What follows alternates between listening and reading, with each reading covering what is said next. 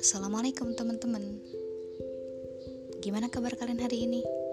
Semoga selalu dalam keadaan sehat Dan selalu diberikan kemudahan dalam setiap langkahnya. Amin. Bertemu lagi nih dengan aku, Intan. Jangan bosan ya Jangan bosan buat dengerin celotehan-celotehan yang mungkin mengganggu telinga-telinga kalian yang mendengarkan. Di sini aku mau cerita, cerita tentang sebuah kisah. Ada sebuah desa di atas bukit dilanda musim kering. Selama enam tahun berturut-turut, para penduduk merasa sedih, putus asa, dan merana. Di tepi desa tinggal seorang lelaki setengah baya yang mempunyai tiga anak pria dewasa. Namun, semuanya pemalas, tak pernah mau mencari pekerjaan. Semua nasihat hilang tak pernah digubris. Mereka lebih suka melamun dan tidur. Di belakang bukit yang mengelilingi desa tersebut, ada sebuah desa yang sangat subur. Di tengahnya mengalir sungai yang, yang tak pernah kering. Andai ada yang mampu memindahkan gunung dan mengubah aliran sungai, desa yang mengalami kekeringan akan memiliki air yang cukup dan terbebas dari kekeringan. Namun, di desa itu tak ada seorang pun yang berani berpikir memindahkan gunung. Sesuatu yang tidak mungkin, bukan?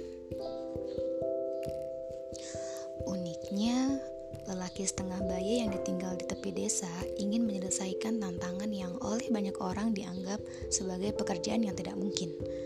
Suatu hari, setelah fajar, ia membulatkan tekadnya Lantas, ia mengambil cangkul dan berjalan ke gunung.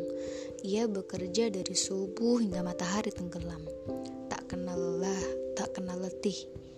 Ia terus mencangkul, mencangkul, dan terus mencangkul.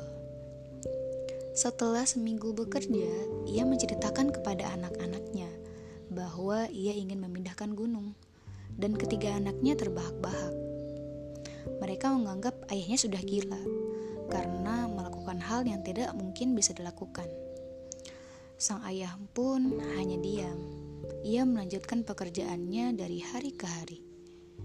Sebulan kemudian, cerita ini menyebar ke seluruh desa, dan semua warga desa menjulukinya sebagai orang gila baru. Lama-lama, ketiga anak lelaki itu merasa malu dengan ejekan warga desa, sehingga mereka memutuskan untuk membantu sang ayah. Sejak saat itu, ayah dan tiga anak lelaki itu mencangkul gunung sejak fajar hingga matahari tenggelam. Setelah beberapa bulan mereka bekerja, warga desa mulai melihat sebuah lubang besar di kaki gunung. Tak lama kemudian, seluruh desa ikut bergabung. Setahun lebih, gunung itu pun berlubang. Airnya mengalir lewat terowongan, dan desa itu tak pernah mengalami kekeringan lagi. Kisah dari inspiratif tersebut jangan pernah menganggap remeh sebuah cita-cita. Cita-cita hanya akan menjadi lamunan kosong jika tidak kita wujudkan menjadi tantangan.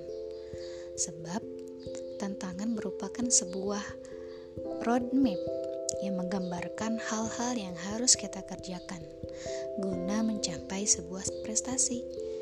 Cita-cita adalah ruh dan tantangan merupakan tubuh di mana tempat ruh bersemayam.